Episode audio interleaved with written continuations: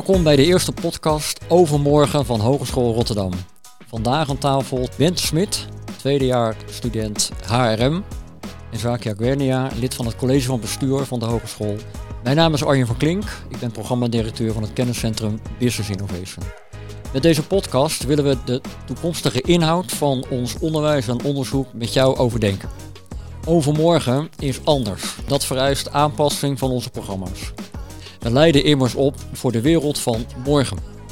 Door te delen waar we mee bezig zijn, willen we inspireren en jou, student, medewerker, relatie uit het werkveld, aanzetten om je ervaringen te delen, ideeën aan te dragen en te leren van onze resultaten.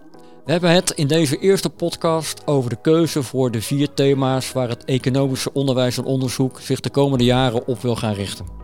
Betekeniseconomie, digitale economie, circulaire economie en leiderschap. Vier thema's waarmee studenten kennis en kunde meekrijgen, waarmee de Business School een nog meer herkenbaar en waardevolle partner van het bedrijfsleven kan worden. Zo maken we impact voor morgen. Bente, uh, geweldig leuk dat jij hier uh, aan tafel uh, zit. Ja, bedankt. Waarom heb jij je aangemeld voor deze podcast?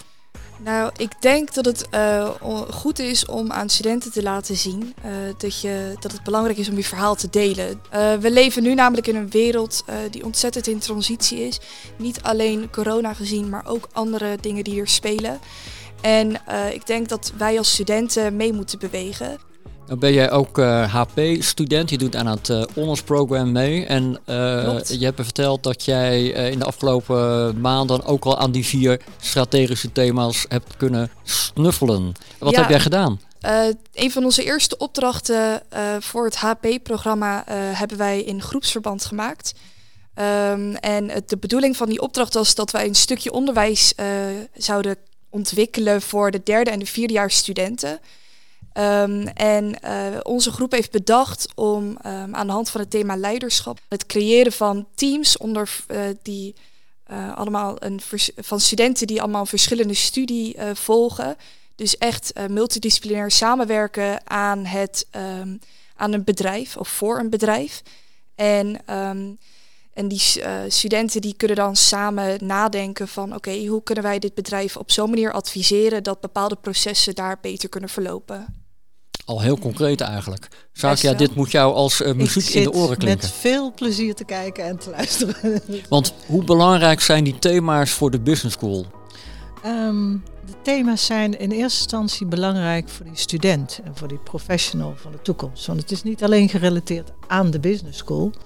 Het is vooral gerelateerd aan de bewegingen en de veranderingen die nu gaande zijn in de buitenwereld de grote maatschappelijke vragen waar we met z'n allen, of het nou onderwijs of bedrijfsleven, mee geconfronteerd worden. En, en we hebben gezien dat uh, als je het hebt over de beroepscontext, hè, want wij leiden op tot beroepen, uh, beroepsprofessional, dat die beroepscontext die is bijna niet meer te bevatten, want die verandert zo snel. Um, dus uh, we hebben ervoor gekozen om de, het onderwijs en de vorming van het onderwijs en het onderzoek in te steken aan de hand van vier thema's die niet los van elkaar staan en die wat ons betreft een grote impact hebben in de rollen, beroepen die dadelijk in de toekomst gaan ontstaan. Ik kom in mijn uh, werk uh, regelmatig bij uh, bedrijven of bij, bij instellingen.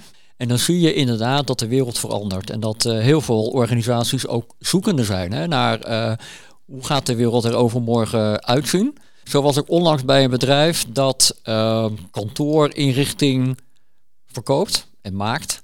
Dat is een familiebedrijf en dat uh, is van oudsher heel maatschappelijk betrokken.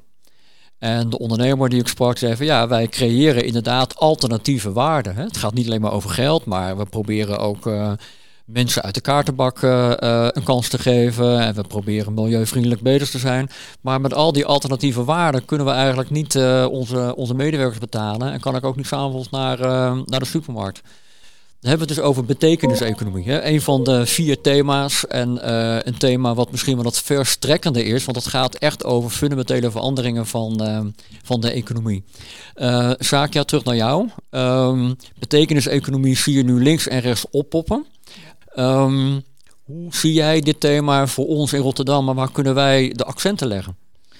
Ehm, ik wil eerst beginnen met het belang van het thema en waarom wij daar zo stevig op inzetten. Uh, waarom we het als strategisch thema hebben benoemd, wat opnieuw niet alleen voor het economisch domein geldt, maar het raakt ook het technisch domein en het zorgdomein op, uh, in een bepaalde optiek. Uh, bedrijven van vandaag, je haalt het zelf al aan, hè, de CEO's van vandaag, de leiders van vandaag, worstelen nu vandaag al met dit vraagstuk.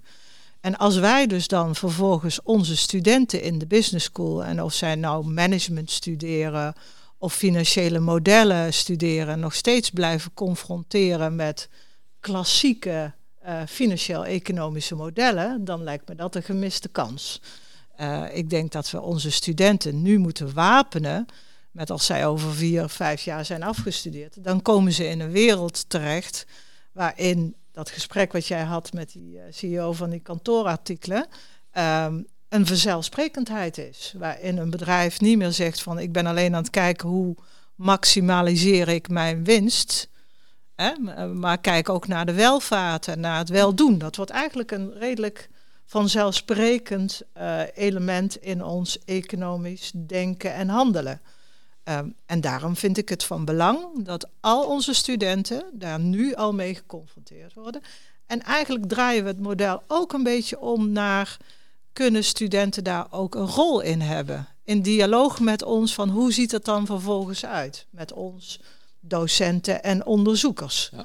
Bente, dat is natuurlijk een mooi bruggetje naar jou. Hoe ja. zie jij dat? En voel je je ook aangesproken door mee te denken over die verandering hier binnen uh, de hogeschool? Ja, zeker weten. Ik denk dat het juist heel erg belangrijk is om um, als student ook een stem te hebben. En ik denk dat je zo uh, elkaar dus ook stimuleert om dus uh, ja, gereed te zijn voor de toekomst die je nog hebt voor je. Ja, samen bouwen. Ja. Uh, vraagt wel van beide kanten dat je daar dan ook voor open staat. Hè? En dat, dat de studenten, maar ook de docenten, uh, nou ja, elkaar willen inspireren om te gaan zoeken. Want heel veel is er natuurlijk nog onbekend. Dat maakt het voor ons ook best wel spannend in het onderwijs. Dat je af en toe moet zeggen van, we weten nog niet hoe het gaat worden. Ja, dat zijn we niet gewoon. Hè? Want wij moeten uiteindelijk uh, op basis van bepaalde skillsets zeggen van, ja, je, je voldoet of je voldoet niet. En dat ja. voelt een beetje zoekend. Um, maar evengoed, uh, de, de, een ander deel van um, uh, onze ambitie is reflectieve professionals uiteindelijk te creëren. En dat betekent dat je gekwalificeerd bent voor een beroep. Iets bijvoorbeeld in jouw geval bent binnen het HRM. Maar daarnaast ook een skillset moet hebben die je niet keihard kunt vatten in, het, in de competenties van een manager maar die meer uh, in de skillset zitten van uh, samen kunnen onderzoeken samen kunnen reflecteren. En daar zit eigenlijk al, we weten het nog niet precies hoe, maar we staan wel open voor kritisch nadenken, goed kunnen onderzoeken, dialoog daarover kunnen opbouwen en via die weg naar die modellen komen die we nu nog niet kennen. Uh, Bent er nog even naar jou. Uh, bij betekenis-economie, de goeroe die we hier in huis hebben, die heeft het over de drie W's. Welvaart, welzijn, welbevinden geld, uh, gemeenschapszin en geluk. Ja. Um, wat zou jij van die drie W's in jouw eigen opleiding willen zien? Nou, ik, er gebeurt al best wel veel uh, rond dit thema bij ons. Uh, wij hebben verschillende vakken die heel, vooral heel breed zijn. En wat ik dus ook heel erg leuk vind om terug te zien, is dat wij tijdens onze studie echt leren om naar een individu te kijken als HR-medewerker. Dus wat wil iemand nou en hoe kan je ervoor zorgen dat het, de, het welvaart en het welbevinden voorop begint te staan binnen een bedrijf? Ik vind het heel erg belangrijk om dus met die drie uh, wees, uh, dus ook echt daarnaar te kijken. Want het is niet altijd dat het financiële het belangrijkste is. Het is vaak juist andersom, terwijl je dat misschien niet als eerste instantie zal denken. En um, ik vind het heel erg prettig dat er tijdens mijn studie ook al aandacht aan wordt besteed.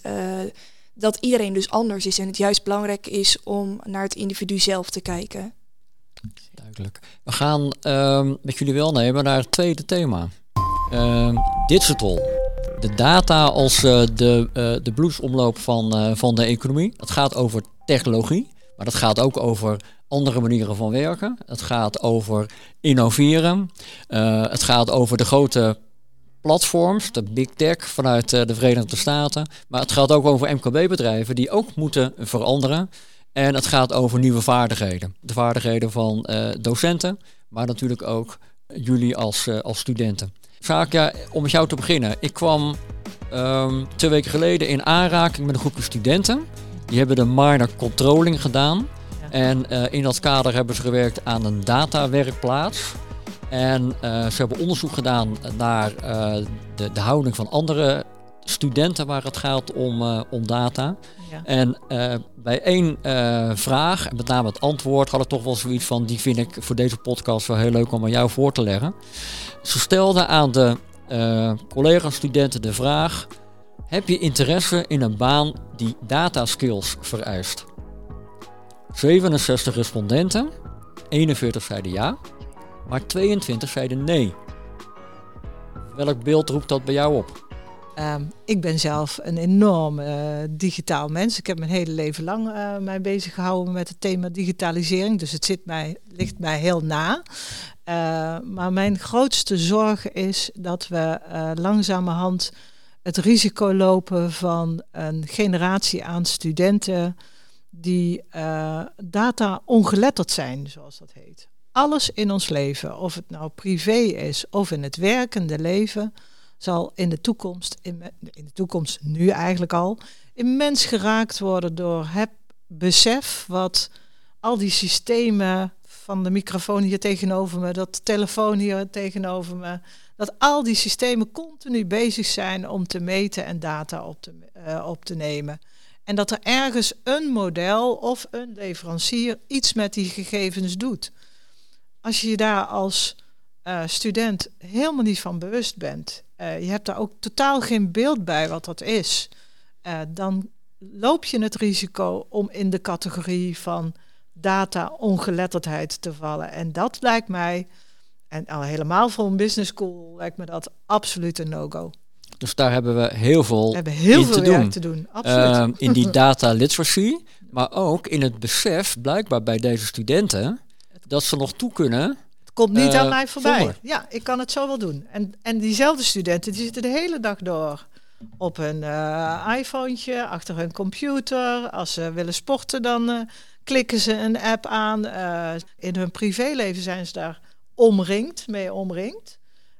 en, en ze hebben geen besef dat als ze dadelijk gaan werken, dat ze er ook mee omringd zijn. Plus dat al die beroepen waar we nu toe opleiden, linksom of rechtsom geraakt gaan worden door de thematiek. Bente, wat, uh, wat vind jij daarvan? Als ik de vraag hoor uh, die jij net stelde, um, dan denk ik, hè, uh, weten de studenten dan ook echt um, dat het ook dat het niet per se dat data niet alleen achter een computer zitten is en cijfertjes invoeren, maar dat het dus inderdaad veel verder gaat. Ik vraag me af of ze de breedte snappen van de vraag. En uh, als dat misschien wat uh, beter uitgelegd wordt, dat ze dan ook inzien van, oh, nou ja, weet je, inderdaad, ik ben met mijn telefoon ook bezig met data. En ik denk dat als uh, dat besef wordt gecreëerd, ook bij de studenten, dat ze dan ook inzien van, oh, nou ja, dat vind ik eigenlijk heel erg interessant. Want hoe mijn telefoon werkt, dat is wel heel erg leuk. Of hoe mijn apps werken, ja. Ja, daar sta ik zeker voor het, open. Het zegt ook iets over hoe studenten misschien in het algemeen bezig zijn met hun eigen toekomst. Of dus niet wij werken naar de toekomst waar uiteindelijk alles digitaal zal zijn. Uh, hoe je het ook went of keert. En de ene student die zal daar misschien uh, gelijk uh, als zij afgestudeerd zijn mee bezig zijn. En de ander die ziet dat pas over vijf tot tien jaar. Maar ik denk dat het goed is als wij vanuit hogeschool nu al iets van een basis leggen. Zodat jij in ieder geval weet van, oh ja, ik heb daar ooit een keer wat mee gedaan. Hoe zat dat ook alweer? En daar, uh, ik denk ja, dat daar de essentie ligt. Nou, heb jij, heb jij een idee hoe zeg maar, uh, de human resource manager van de toekomst met die data geconfronteerd gaat worden? Ja, je hebt nu al robots die uh, cv's kunnen scannen en motivatiebrieven. Door te zeggen van nou ja, deze kandidaat is geschikt en deze niet. Nou ja, daar gaat dan een heel groot deel van mijn uh, beginnende, in ieder geval werkzaamheden, die vallen daar dan eigenlijk ook al weg. Ja, hoe ga je daar dan mee om? En uh, welke andere mogelijkheden zijn er dan voor mij als HR-medewerker door toch nog uh, impact te kunnen maken? Ja, dus dat is zeker iets wat er in mijn hoofd ook speelt. Ja, heel goed. En ook denk ik de kans, zeker bij HRM, over privacy en ethische kanten. Hè, van, uh, Laat je dat aan de computer over om die cv's te scannen? of vind je dat uh, te gevoelig om uh, te automatiseren? Ja, nou ja, weet je, ja wij krijgen zelf twee jaar lang les over allemaal verschillende soorten rechten. Dus uiteindelijk weet je ook waar je aan mag houden en waar je je niet aan mag houden. Of waar je zeker moet opletten. Maar um, ja, ik denk dat dat in de toekomst toch ook zal veranderen. Uh, ik bedoel, want wij zijn niet het enige werkveld waar er iets, uh, dit soort dingen spelen. Dus die wetgeving met privacy, denk ik dat daar ook wel verschuivingen in zullen gebeuren. Ja. Mag ik op twee dingen reageren? Want Zeker. Ik zit een puntje van mijn stoel. Bente, allereerst zo mooi. Het eerste deel, dat is al een stukje terug. Je reageerde door te zeggen, er zijn studenten die in hun dagelijks leven, hoogstwaarschijnlijk ook door wat ze in hun omgeving en van hun ouders meekrijgen, wel enigszins gevoel hebben bij de impact van digitalisering en het belang van data dadelijk naar de toekomst toe. Maar er is ook een hele generatie die dat niet meekrijgt. Um, en dat heeft ook iets met, met je omgeving uh, van doen. Ja. Dat vond ik zo'n mooie opmerking. Uh, want jij bent je bewust van uh, wat je ook in je omgeving meekrijgt en wat, wat dat aan start voor jou betekent. En dat is voor ons als Hogeschool Rotterdam een immens belangrijk thema. Daarom kom ik ook met de term data-ongeletterdheid. Um, je zult zien dat er hierdoor alweer een tweedeling, en zo groot wil ik hem niet noemen, maken, maar toch is dat wel gewoon feit, ook een tweedeling in die maatschappij uh, ontstaat een deel van de maatschappij die het heel gewoon vindt om met ouders thuis het te hebben over wat betekent digitalisering, die daar keihard mee geconfronteerd worden. En een deel van de generatie die daar helemaal niet mee geconfronteerd worden. Mhm. Dus dat is allereerst compliment dat je dat uh, uh, zojuist zo mooi benoemde. Nou, bedankt. Um, en het tweede deel, als het gaat over privacy. Um, het, het, is niet alleen privacy, hè, het is ook de ethische kant van kunstmatige intelligentie. Ook dat is een thema wat hogeschool weet, al onze 40.000 studenten ergens tussen de oren moeten knopen. Mm Want het voorbeeld wat je aanhaalt, cv's die geselecteerd worden of sollicitaties met een robot. Hoe weet ik dat dat ethisch verantwoord is? Uh, hoe weet ik dat daar niet alweer ongelijkheid in ontstaat? Nou, dat soort denken hoop ik dat jullie dat ook allemaal meekrijgen in je eigen professie. Als je dadelijk gaat werken als uh, Human Resource Manager, dat je continu blijft vragen als wij iets inzetten voor een bedrijf, blijft het ook eerlijk en ethisch. Ja. Data zijn ook enorm belangrijk om de circulaire economie vorm te geven. Want daarmee kan je afval zien te voorkomen, kan je producten her, uh, hergebruiken. Circulaire economie, ons derde thema. En dat is voor deze regio een geweldig thema met de Rotterdamse haven, met de tuinbouw in het Westland, met heel veel oude economie waarvan je moet zeggen van dat moet naar de toekomst toe echt anders. Er zijn best wel bedrijven al bezig, maar het gaat in hele kleine stapjes. Uh, ja, jullie zijn allebei niet alleen maar student en uh, uh, bestuurder, maar jullie zijn ook consument. Uh, Bente, hoe, hoe circulair of hoe duurzaam ben jij als consument? Als student kan het soms wel lastig zijn, want um, ja, weet je, duurzaam zijn, dat, dat is ook gewoon duur. En uh, nou ja, ik uh, met mijn studentenloon wil daar wel op letten, maar dat gaat soms nu gewoon nog niet gezien. Um, ja, de prijs. En ik vind dat zelf heel erg lastig en ook best wel confronterend dat ik denk van ja, hoe erg is het eigenlijk dat dat dus zo moeilijk wordt gemaakt. Aan de andere kant zijn er ook kleine dingen die ik als student wel kan doen.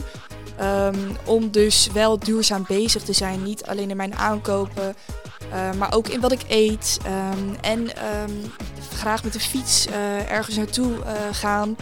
Uh, maar ik, ja, thuis probeer ik ook zoveel mogelijk afval te scheiden. En ook uh, niet te snel iets nieuws te kopen. Maar ook gewoon te kijken van nou ja, wat heb ik eigenlijk al in mijn kast liggen.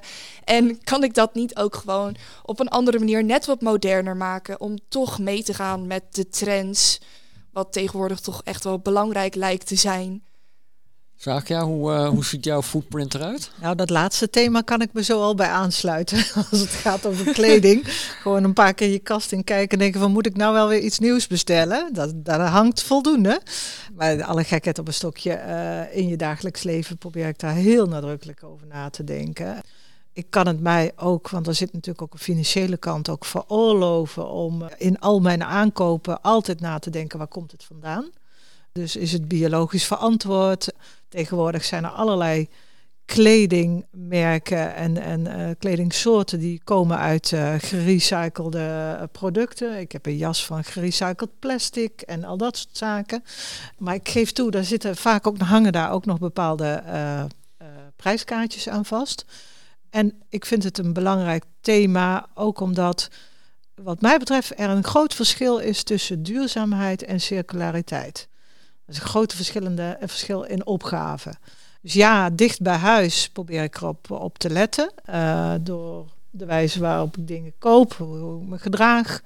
En in het onderwijs heb ik er wat, wat hoger gelegd door vooral het thema circulaire economie naar voren te Hoe vind jij uh, uh, dat dat op dit moment loopt? En wat is er verder nodig om, om echt die ambitie van jou daar neer te zetten? Nou ja, het is niet alleen de ambitie van mij, want ik volgens mij um, in, de politiek, als ik alleen maar hier kijk in de gemeente Rotterdam, en dat heb ik een keer eerder herhaald, um, hoor ik uh, vanuit de politiek de, de grote uitspra uitspraak gedaan van vanaf 2050, realiseer je 2050, hoeveel jaar zijn we er vandaan, is het geheel aan midden- en kleinbedrijf in Rotterdam is circulair. Nou, dat vind ik een fantastische uitspraak. Maar ik vraag me af of iedereen zich realiseert wat dat er precies inhoudt. Circulair betekent dat je aan de basis van je product of je dienst na hebt gedacht hoe om te gaan met schaarste goederen. Hoe om te gaan met de, ook de welzijn van je medewerkers. Dat is echt een immense omslag van waar we vandaan komen. Dat is iets anders als duurzaam zijn afval goed ophalen en daarna scheiden. Dat is echt een stap verder. Dat kun je niet in, in totale isolatie doen binnen een economisch domein, want je verknoopt eigenlijk alles aan elkaar.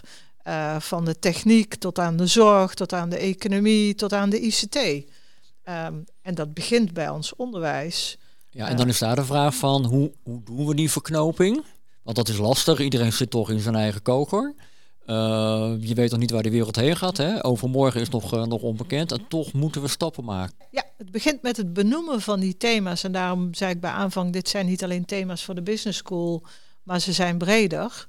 Een thema als circulariteit is een thema waarin de studenten en docenten binnen de business school zich van bewust en ingeschoold moeten worden. Maar dat geldt ook voor de studenten in het techniekdomein. En uiteindelijk zouden wij, willen wij graag dat studenten vanaf, noem het maar, uh, derde jaar, die crossover voor elkaar gaan krijgen. Ik hoorde jou dat bij aanvang al vertellen, Bente.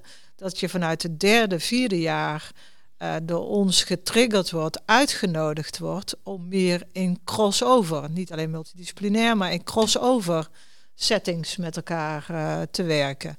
Dus dat jij als honors-student een project doet met een student van uh, civiele techniek of met een student van het zorgdomein. Uh, en op die manier als het ware een project probeert uh, op te tuigen waarbij je een MKB-bedrijf gaat helpen om haar totale verdienmodel en businessmodel om te tuigen naar een circulair model. Want ja. uiteindelijk willen we dat in 2050 al. Ja, en ik denk ook dat zeg maar, onderdeel van die, van die transformatie is dat medewerkers hele andere kennis en vaardigheden nodig hebben. Ja. En dan komen we toch ook weer bij die, bij die HRM-professional. Die ja, dat moet aan de bak dadelijk.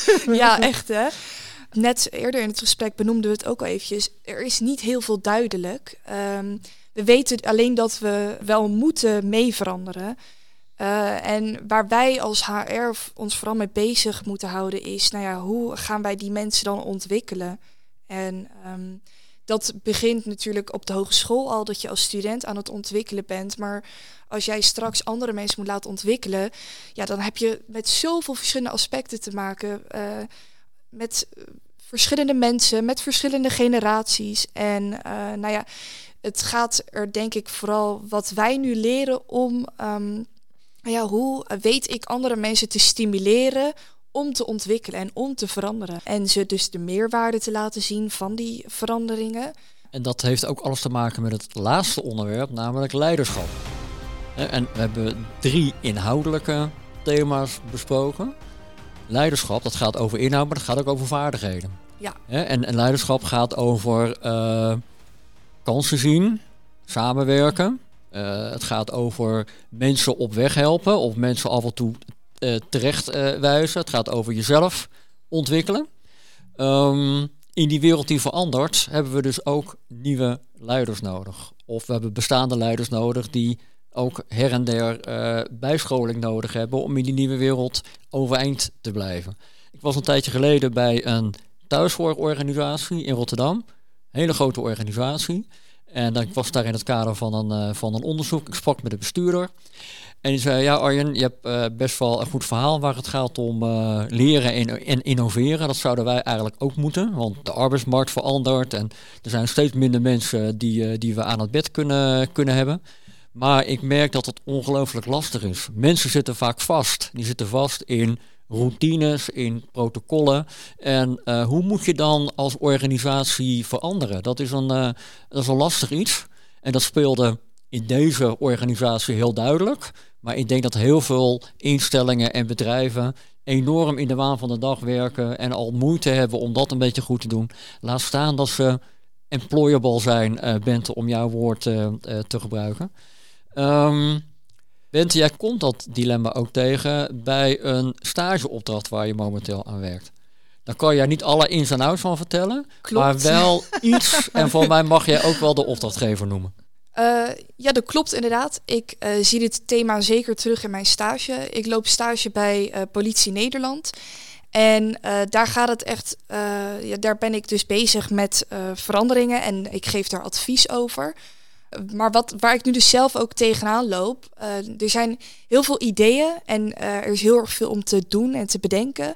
maar je loopt heel snel tegen bepaalde ja, niet alleen formele regels, dus de wetgeving, maar ook informele regels. Want wat is nou een cultuur binnen zo'n bedrijf? En um, ja, hoe ga je er toch voor zorgen dat er dus veranderingen plaats kunnen vinden? Maar wel dat het passend is in de hele historie die er dus is geweest. En uh, dat, dat er niet in één keer een soort uh, heel groot idee komt waarbij mensen echt denken van wow, hier word ik echt mee overvallen. En ja, daar kan ik echt uh, vrij weinig mee. Je, het is heel, vooral heel erg belangrijk dat je veranderingen in stappen aanpakt. En uh, ja, ik probeer dan advies te geven uh, over bepaalde veranderingen. Maar als HR-student leren wij dus ook van, nou ja, oké, hoe uh, geef je bedrijven dus ook een richting om te kunnen veranderen? En um, ben jij niet alleen uh, dienstverlener als HR, dus geef je een probleemverklaring en een analyse, maar ben jij ook expert op juridisch gebied of procesbegeleidend um, of dat je coachend bezig bent? En uh, het is heel erg belangrijk om dus ook op school te leren van hoe ga jij straks het werkveld uh, in om ervoor te zorgen dat uh, ja, dus je dus echt je beste kant kan laten zien van wat je hebt geleerd. En kan meewerken aan die verandering. Inderdaad, ja. Bente, dankjewel. Zaakja, kan jij aangeven waarom dat thema leiderschap gekozen is als uh, strategisch thema? Zeker. Um, toen we bezig waren met het benoemen van die thema's, en of het nu uh, betekenis, economie was, of, of circulariteit, of, of de digitale economie, uh, toen bekroop ons eigenlijk al snel, en dat in relatie tot de business school, bekroop ons eigenlijk al snel het, uh, het gevoel dat er een, eigenlijk één doorsnede is te maken in, in al die thema's. En Bente haalde hem net eigenlijk al aan, is het, het, het element van veranderen en het tempo van verandering. En wat dat vraagt van de mensen als het gaat over leiderschap op het moment dat ze in die verandering zitten in de organisatie. En dan heb ik het niet over leider alleen de directeur of eh, de top van de organisatie.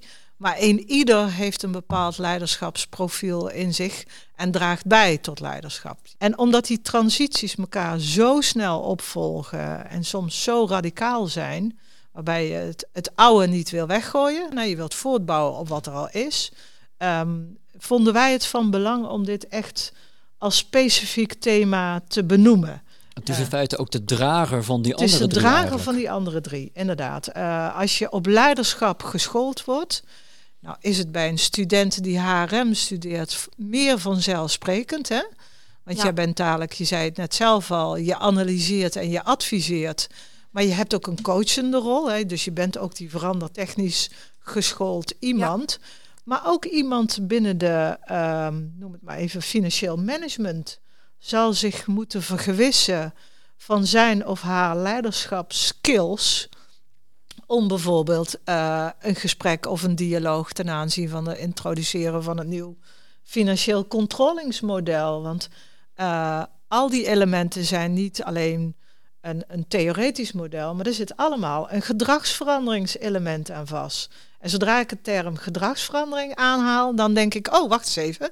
Leiderschap is daar natuurlijk ook een belangrijk thema. Ja, leiderschap en ondernemerschap, die twee liggen heel dicht bij elkaar. Die liggen heel dicht bij elkaar. Um, ja, ondernemerschap in de breedste zin. Natuurlijk voor ons als business school is dat een redelijk vanzelfsprekend iets. Hè? Want alles wat wij hier op, alle studenten die wij hier opleiden, dat, dat zijn de ondernemers van de toekomst of de leiders van de toekomst in een onderneming. Uh, profit of non-for-profit. Uh, maar ondernemerschap is voor mij ook weer een stuk gedrag.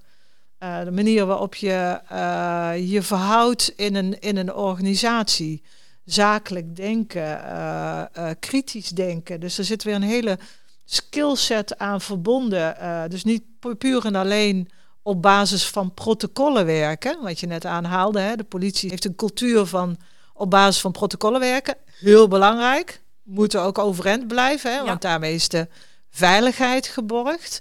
Maar aan de andere kant mag je ook verwachten van uh, politieteams, dat ze ook een bepaalde ondernemerschap bewijzen creëren om uh, bepaalde problematieken beter te pakken. Um, dus het is niet alleen ondernemerschap in de pure zin van het woord van een onderneming opbouwen, uh, maar er zit ook een gedragselement. We zijn aan het eind gekomen van de eerste podcast overmorgen. Ik hoop dat jij wat nieuws te weten bent gekomen en dat je ideeën hebt hoe je zelf aan de slag kunt gaan. Vandaag voor morgen.